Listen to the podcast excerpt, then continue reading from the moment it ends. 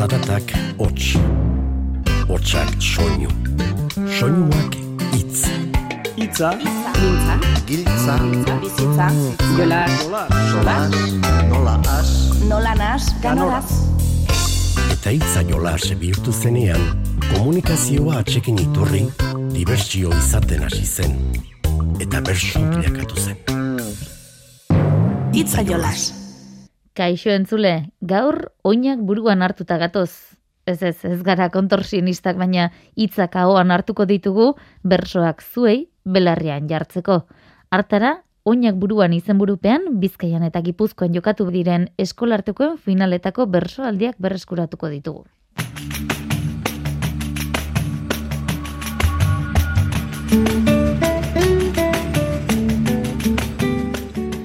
Urnietan maiatzaren hogeita zortzian jokatu zen Gipuzkoako eskolarteko txapelketako finala.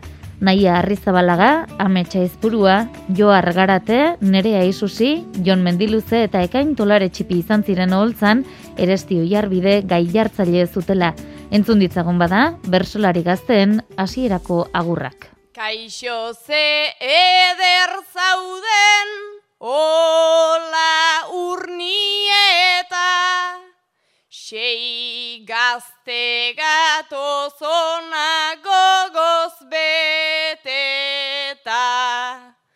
Azken astean azen nerbion asketa, deskonektatzeko ore ardezagun beta, silaban neurketa, epaia kolpeka, hau da txapelketa ta txapelameta.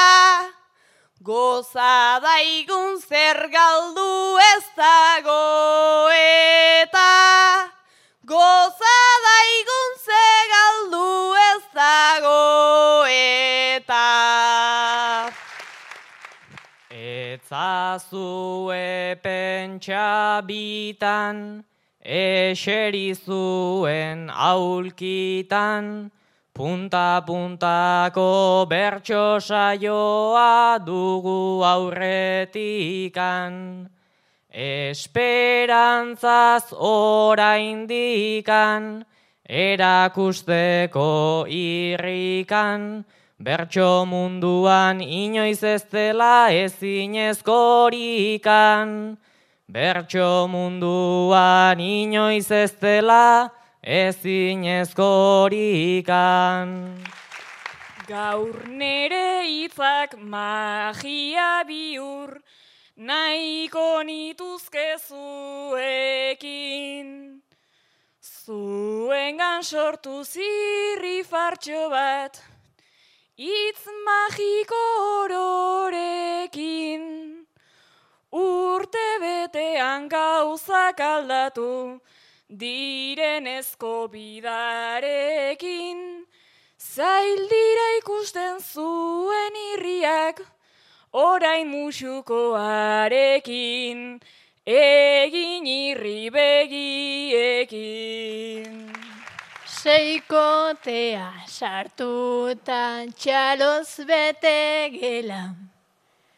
Publikoa zertako dago ta bestela. Atzera begiratu ta azen ibela. Urdurinago baina alare horrela. Oltza zapaltzea gozamena dela. Oltza zapaltzea gozamena dela. Itxaron dut gaurko eguna ja alegatzeko. Gogo handia baitaukat hemen kantatzeko. Gaurkoan etorri naiz prest tope saiatzeko. Jende asko etorri baita ni animatzeko. Gaurkoan etorri naiz prest tope saiatzeko. zuei gozarazi eta nik neu gozatzeko. Arratxalde on zuri entzule, banuen gaurko irrika, nerbioak janere barruan, aspaldi daude asita, goia txikiaran obasoko, bertxo gogorarazita, handikan hartua baitiotnik, bertxolaritzari tinka, elburu bat detoltza gaineko, mikrofonoan jarrita, saion bat egin nahiko nuke behin, finalera iritsita, saion bat egin nahiko nuke behin, finalera iritsita. Behin hasierako agurrak luzatuta, ariketekin hasi ziren, amets, joar, ekain, naia eta jon entzungo ditugu, oinak emanda bertsoa osatzen. Hau etxek amets, zortziko txikian bertso bat osatzeko, egokitutako oinak. Tropela, gela, bestela, dela. Iraia iritsita, eskolan tropela, banan banan sartuaz, bete degu gela, berotasun batekin, behar gendun bestela, ez aldakite hemen, hotz gehiegi dela. Hauetxek joar, zure lau oinak. Trena, pena, baimena, onena.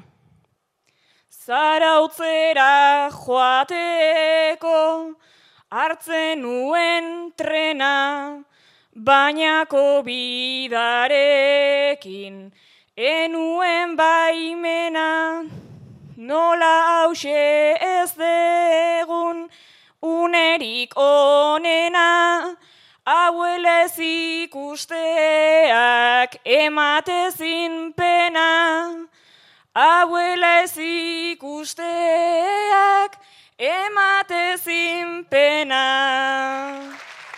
Mina, eragina, grina eta ezina. Bertxotako banekin banuela grina, baina bertxo txar batek duen eragina. Horrek orain sortu dit, haundian eimina, ta saiorako ere sentitzete zina. Naia, zuretzako lau oinak, uda, duda, elduda, ardura. Berdin du izan negu, edo izan uda, zer egin ta ez egin, beti dago duda. Arduratxu izateko garaia heldu da, norberak hartu beza bere ardura. Jon, zuretzako lau oinak, musika, jarrita, kritika, hasita. Gazte gehienen eran maite dut musika, teukitzen dut logela nik sarri jarrita, altu dagoela aitaren kritika, ta horregatik nago nazkatzen hasita. Ariketa honen ostean eta ofiziotan jardun ondoren, bakarkako lanari heldu zioten. Haus esaterako, nahi arrizabalagaren puntu erantzuna eta gaia emanda, botatako bersoa. Nora joan gozara, aurten oporretan. Kobida dagoenez leku guztietan. Ezer gutxi dakit nik diotxut benetan. Igual ibiliko naiz etxearen bueltan. Udan, atzerrira joan eta ingelesa ikasteko programa batean eman duzu izena. Gaur eman dizute erantzuna. Zure eskaera onartu egin dute. Bertso bat gehienez bost puntuko neurrian. Kobida dela tarteko ontaz, jadan azkatuak gera. Ta betidanik ikasi nahi det, kanpoan nik ingelera maletak egin egazkin hartu eta Irlanda aldera ibili nahi dut dena ikasi batera eta bestera. Zeo hartu baino lehenago goaz guztiok etxera, goaz guztiok etxera. Jon Mendiluzek hauexek osatu behar izan zituen. Leku denetan ezin, Euskaraz hitz egin. Eta bihotz barnean ematen dit aimin. Euskaraz egiteko eintzagun alegin.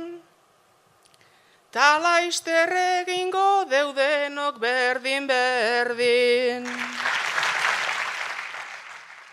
Udaltzaingora joan zara gauza bat galdetzera. Euskaraz ez dakiela eta gaztelaniaz hitz egiteko eskatu dizu harrerantzegoen udaltzainak.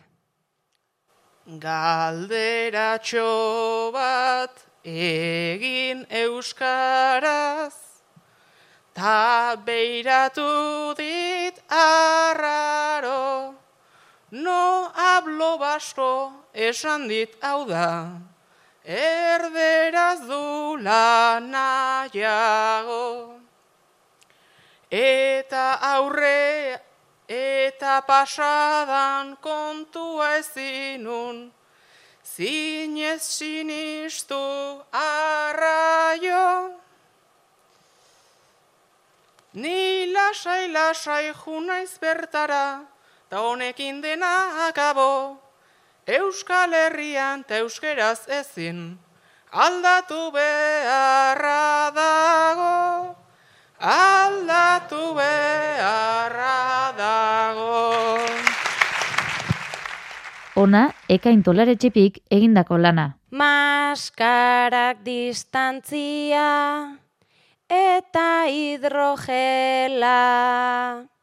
Egoera gaur egun daukagu krudela, surrealista da ta hausere bezela, ezin dugu jarraitu oin beti horrela. Eta hause da egokitu zaizun gaia. Musikaria zara pandemiak behartuta giroa ezberdina izan arren, jendearen berotasuna eta goxotasuna sentitzen duzu kontzertuetan. Pandemiaren egoera hau izan da nahiko bortitza galdu nuenik hasi zanean nere tonu eta hitza. Ostok erortzen aizan bezela, hortzen zegoen aritza, eta honegre bizitzarako eman dit baineri brisa, jendeak ematen baitit neri musikarako bizitza. Nerea Isusik migratzaileen errealitatea izan zuen gai. Albistei begirat zaude eta ezin duzu sinatxi gertatzen ari dena zeutan eta Europako beste zenbait mugatan. Inork ez du nahi etxea utzi, inork erez imigratu.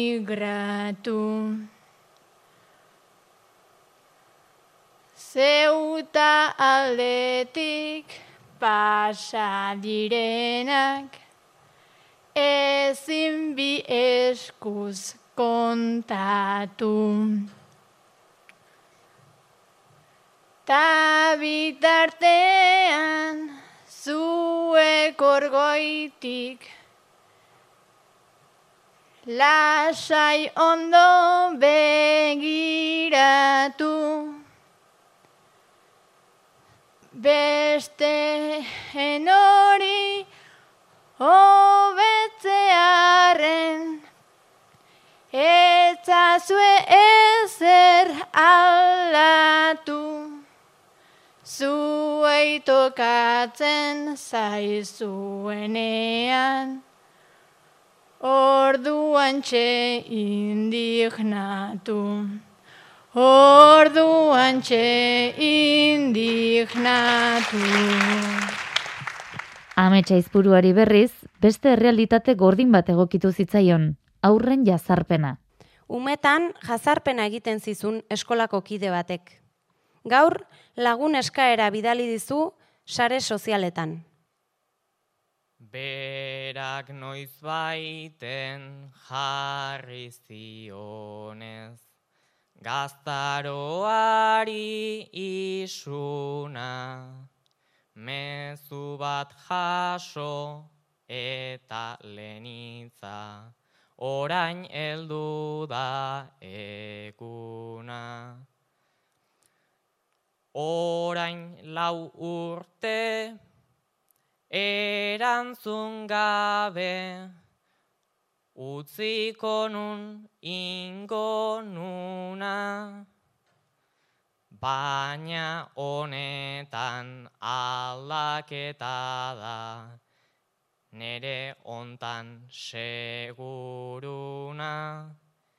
Eta depende zer esaten dun, ingo diot erantzuna ingo dioterantzuna. Behin lan puntuagarriak amaituta, amaierako agurren txanda iritsi zen, epailen iritziz, puntu gehien batu zuen txapelduna, ekain tolare txipi izan zenez, berea entzungo dugu. Eskerrik asko aita tama, Joana familiari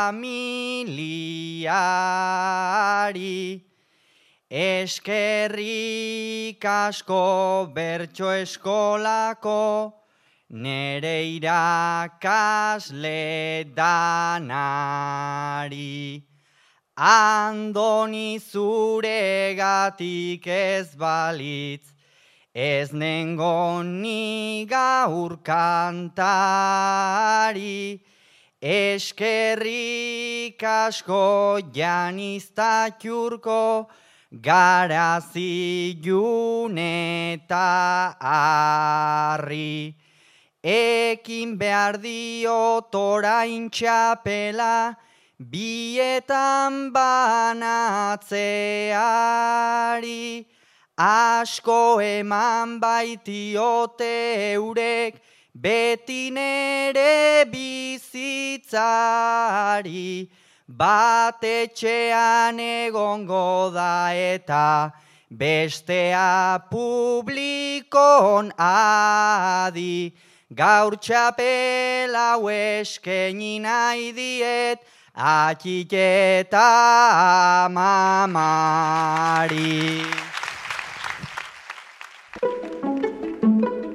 Bertxopedia, artxibotik tiraka. Gaurko hitza? Eskola, mila bederatzion da irurogeita emeretziko abenduaren hogeita amarrera joango gara. Irurogeita emeretziko bersolari txapelketa nagusiko saioa zen, Gernika Lumon jokatutakoa. Jose Mari Iriondok horrelaxe jarri zion gaia Kosme Lizasori kartzelako lanerako. Naiduan doinu eta neurrian.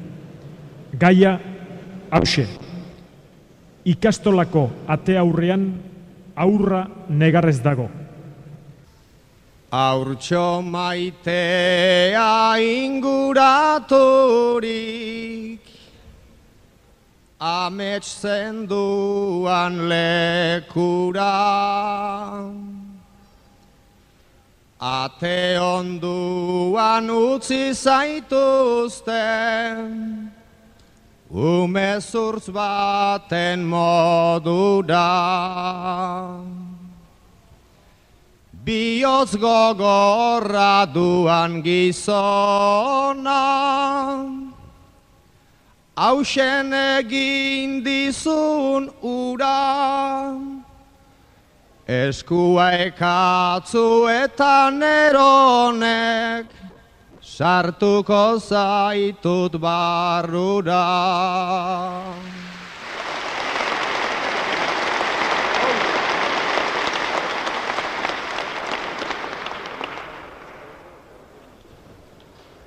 Malkoan bidez begi polita Daukazu gorri gorri ja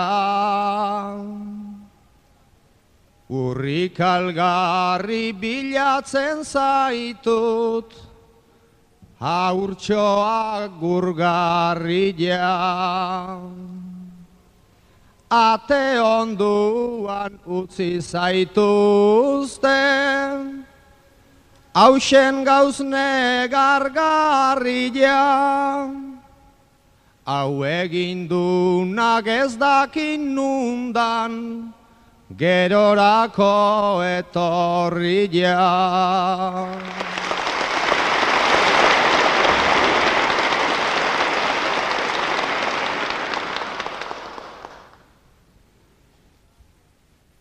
Zutopatuta sentitutzen dut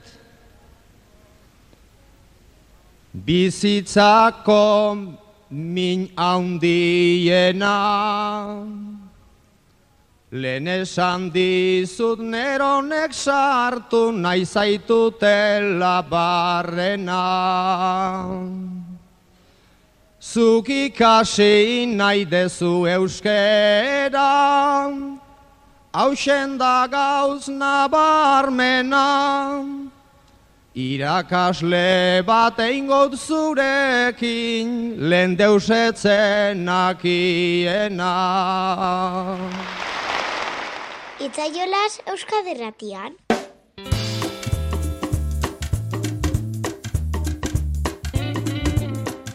Bizkaira joko dugu orain, igorreko lasarte aretoan neun lagun inguru batu ziren Bizkaiko eskola arteko txapelketaren finalera iritsitako zortzi gazten jardunaz gozatzera.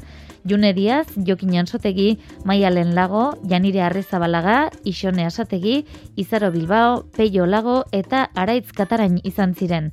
Gaiak jartzeaz, igor menik arduratu zen. Azteko, agurrak entzungo ditugu. Bertxolari gazteak zortziko puruan, ibiliko garenak errimaguduan, hainbeste begirada gure inguruan, naiz hankak errotuta modu seguruan, egan egingo duguk oinak buruan. Egan egingo dugu koinak buruan. Azkenean jendetza hemen batu gara, virusak jarri ditu horren beste traba, gaurko saioa izango da, barreta algara. Ta txapela gernikan, gero behar bada, baina lehen helburua guk gozatzea da. Baina lehen helburua guk gozatzea da. Bertxo eskola mugitu dugu, finalera etortzeko. Nerbioak talaro geitila, ditut barruan tarteko. Ja ez ditugun entzule denak, uzten aulkietan seko, saiatuko naiz ditu dalako, mila gauza esateko, eskerrik asko azteko. Eskolartean kantado dalanik aurrez, ta ona igotea nola estan errez. Azkena izango da sinestu edo ez, peiota biok sarrak garelako berez. Azkena izango da sinestu edo ez, baina gozatuko dot lena balitz legez. Ongi etorri ikusle danoi, igorren gauzegun ontan. Hemen kantatzi, enun espero, naizta amestu askotan. Ta egize da oso urduri, egonaz ni egunotan, baina oraintze horiek astu, eta bagoiez bertzotan.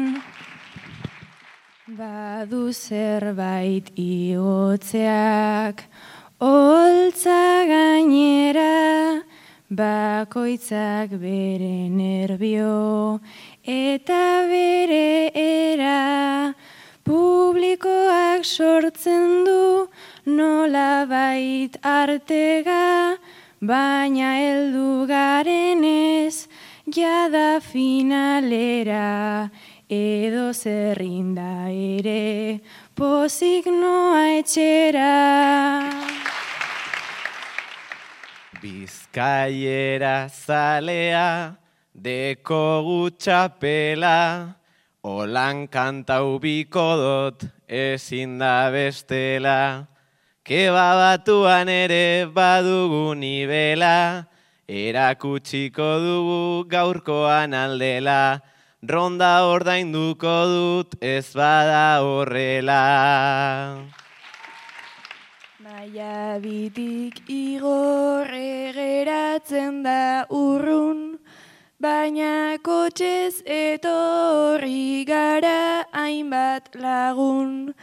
Egin daigun bertxotan gustora txukun, naiz urduritasunak ezin laga inun, mereziko du eta gozatu dezagun. Ofiziotako jardunean zortziko txikiko ariketan Janire Arrizabalaga eta June Diaz elkarrekin aritu ziren eskiatzen.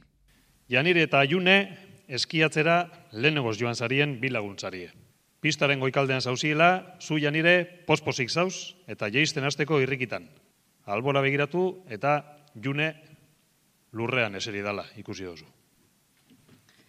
Eskiatzen dekot nik kristoren nibela eta plana gendula aiune itzela zergatik saus lurrean jarrita horrela elurra bezain zuri geratu zarela, elurra bezain zuri geratu zarela.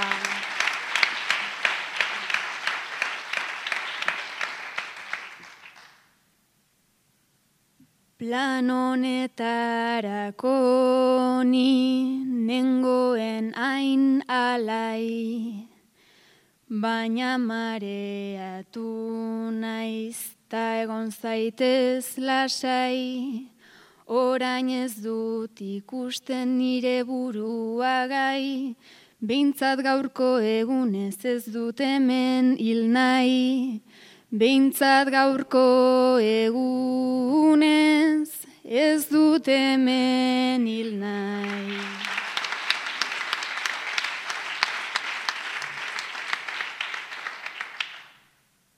Esaitez jarri orain laguna artega ilegingo sarela, baizera, baizera, etorri zaitez orain nire aldamenera, benga eman eskua goazen batera, benga eman eskua goazen batera.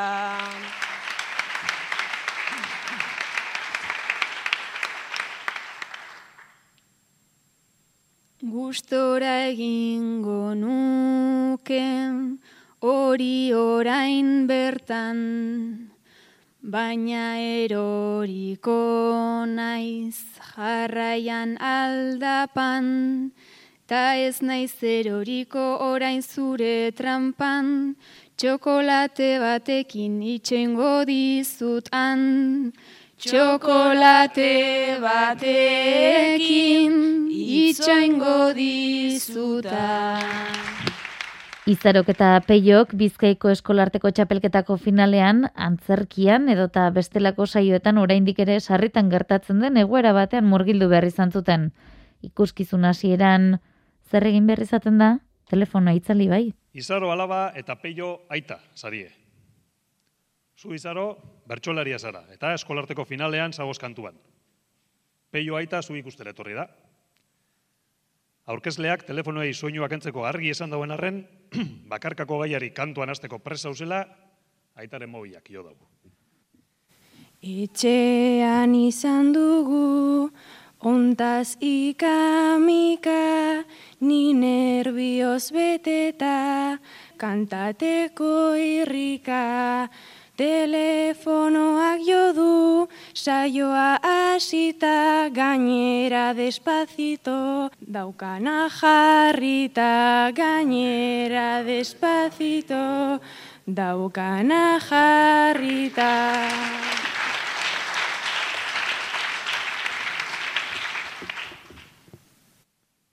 Despacito esanta, azerretu epi, itzaltzen saiatu naiz, emeki, emeki, lotxa pasatu egin dut, mobila eseki ongietorriak dira, anekdotak beti ongietorriak dira, anekdotak beti.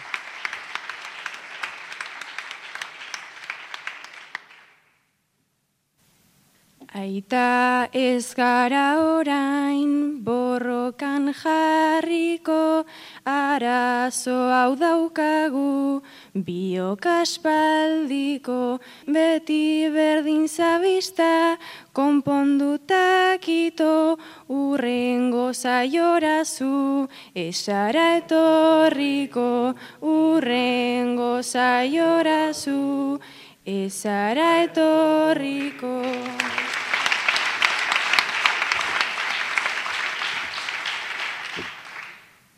Izarozuk daukazu, empatia eskasia, holtzan zeunden urduri, ta horren nasia, baina asko daukazu, zuk zer ikasia, izaro deprimitzen, nauzula asia, izaro deprimitzen, nauzula asia. Aita alebetatik iloba eta amonaren paperera pasako gara igorreko saioan. Edo beto esan da, araitz eta itxonek baratzera eramango gaituzte. Araitz iloba eta isone amama sarie. Araitz, amama gero eta gehiago nekatzen dela eta aurten zeuk erein eta jagondozu hortue, bere aginduetara. Ez dago ezek urten. Aurtengoan hartu dut amama papela, baina kontua junda bainaiko motela. Naizuk niri erakutsi zenidan bestela, uste dut eroskira jun behar garela. Uste dut eroskira jun behar garela.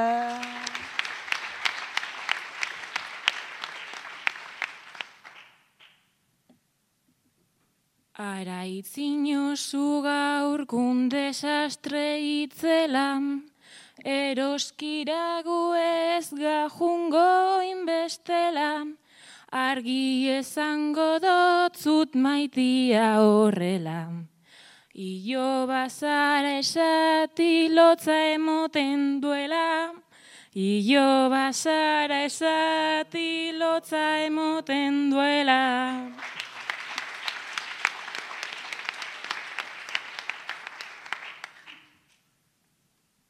Eta gainera kexak oin jarri parean, Ni gustora gonago bainoski etxean, baina ez azarratu nik hau esatean.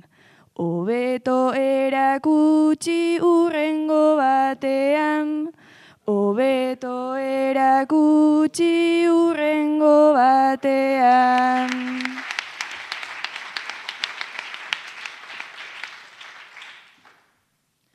Araitz ni puta madre esplikatu ein naiz, eta ez tozu lertu zu hemen garaiz.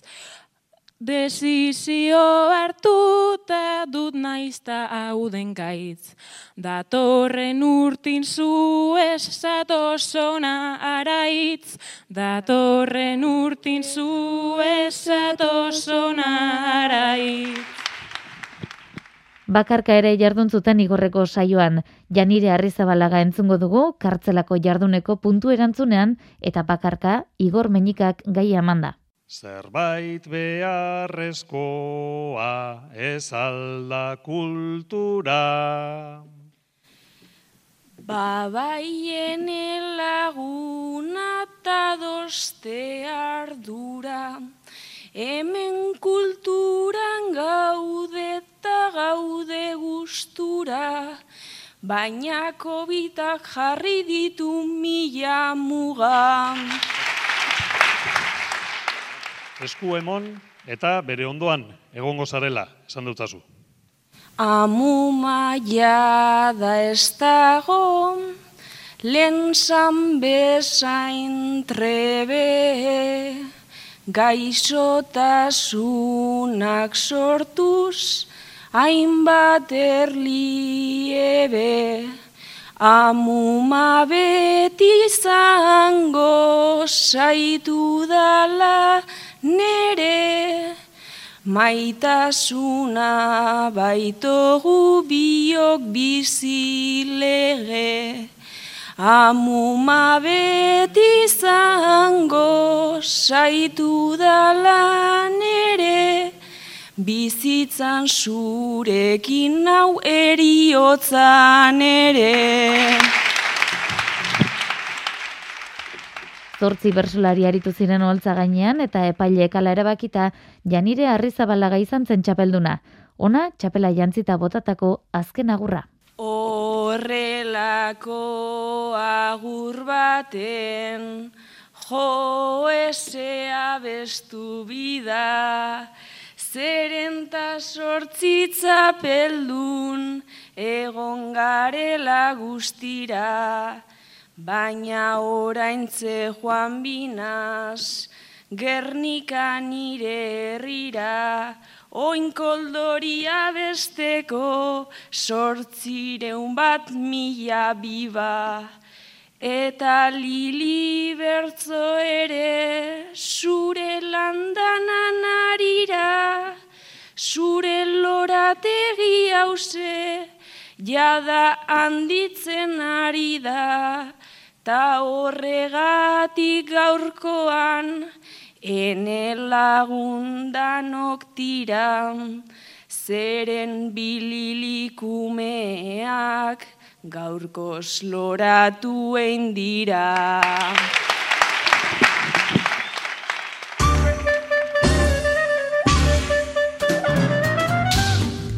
Iritsi da bedaiora, maia iestaranek gaizka jauregiri luzatutako puntua. Entzun dezango bada, nola eman dion jarrepena, gure bederatzikoari. Bedaiora irratirik iristen ote da. Oire ez iristea falta da jada. Irratiak ez dauka zuntzakaina traba. Itzekin jolasean kontuta halgara. Olakoik ez bada, heltzerik balda. Herri guztitara, denon etxetara, bedaion oso urrun sentitzen gara. Bedaion oso urrun sentitzen gara. Bueno, eta nere puntue, nere koarrilako julen goinintzako da. Bea amezketara da berez, baina ja dema pixka bamak itolosa bizitzea jontzala, eta horretik jartzi dut puntu hau. Zer moduz moldatzen da elbi bat tolosan. Ia badatorren astean, tolosako helbiak, julen goinik bere erantzuna helarazten digun.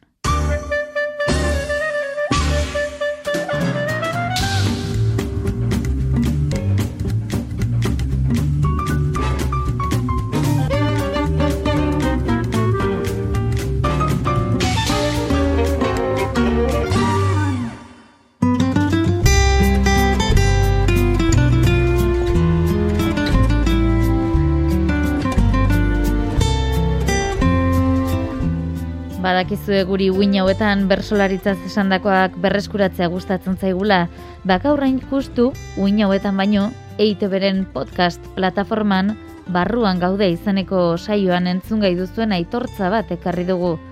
Xabier Reuzkitze bersolariak etxeko patxadatik kontatu dio Ierrarantzabali bersoplazak zergatik utzi zituen noiz eta nola. Hauxe duzue aitortza horren pasartea. Beldurra sentimentu bortitza duk eta batez ere gauzak esan behar dituen ba, norbeitentzat. Bertsolariak askatasuna beharrik. Eta nik genian askatasunik. Adibide zehatzak jartzeko esate baterako. E, behin Nikola Segurola e, gai jartzaileak gure arantzazuko e, fraide hartzain eta bertsolari maiteak gai bat jarri zidan nik albistegiak aurkezten nituen garai hartan. Hmm astelen gaueko albistegian ze hiru albiste eman nahiko zenituzke.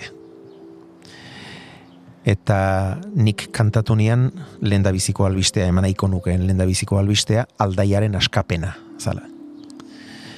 Aldaia, e, baserri batean sortu eta gerora bere e, garraio enpresa sortu zuen e, ekintzailea, eta e, zerga irautzailea ordeintzeari uko egin zion pertsona, e, baituta zeukeanetak, eta, bueno, banik lenda biziko bertsoan hori esanian, aldaiaren askapena nahiko nukeela, iragarri. Eta, jakina, bertsotan, i etzekiatzen batera nioa izan bertso zale, baina e, nahi ez da ere bertso saio asko entzongo dituen, eta e, badakik bertsorik txarrenari ere txaloak jotzen zaizkiola. Hmm e, bertsorik onenak sekulako sua sortzen dik eta erreakzio ikaragarria, baina txarren ari ere horrela Bai, txalo, txalo. txaloak jo egiten zaizkio, txarrenari ere bai. Eta han berriz bertsori kantatu nian, eta txalorik ez. Eta hiru lau segundo, bost txalori gabe. Tentsioa, bai, ikaragarri. Eta halako batean norbait hasi zuen txaloak jotzen, eta sekulako txalo zaparra da jendea desiatzen zagoan mezu horri txaloak jotzeko.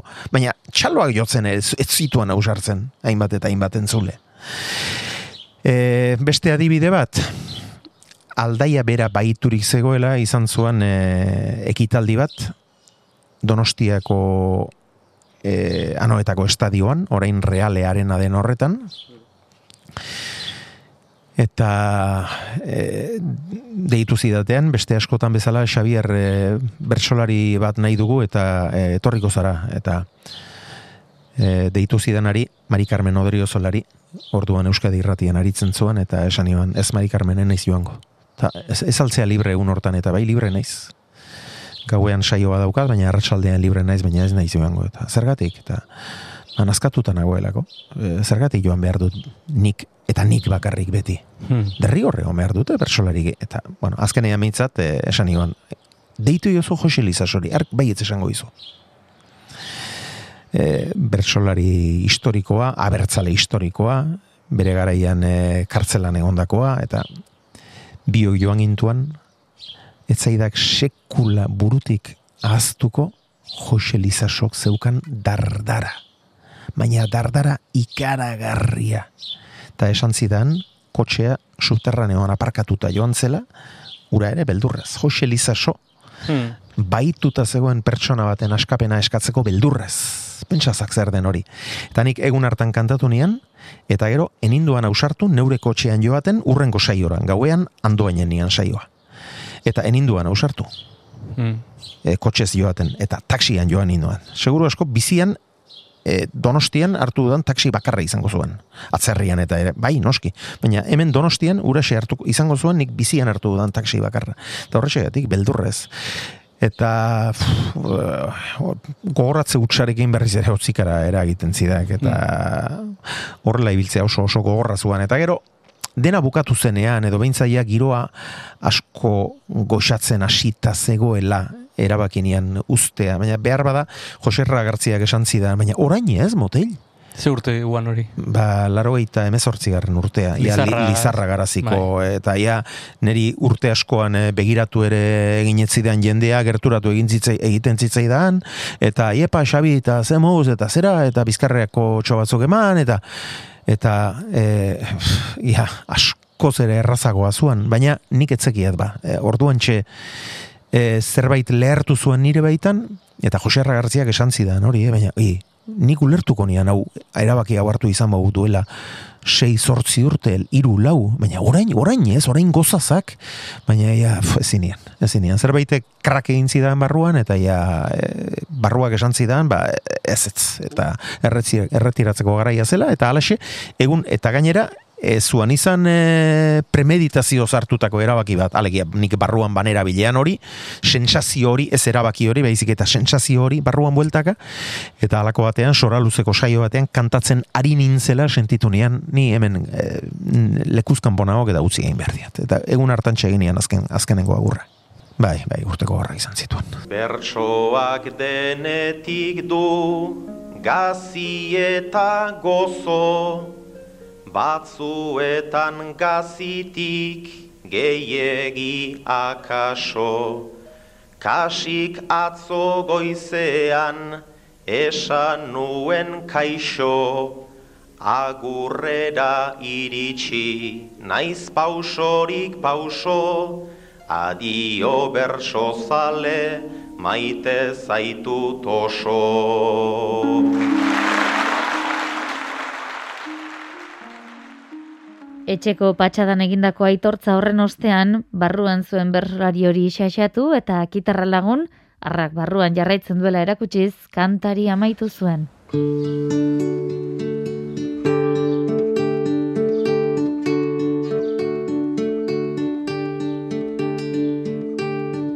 Naiz beti ezten erreza, gaur jo dugu zeru ertza, nahi duanean ator berriro prest izango duk zerbeza prest izango duk zerbeza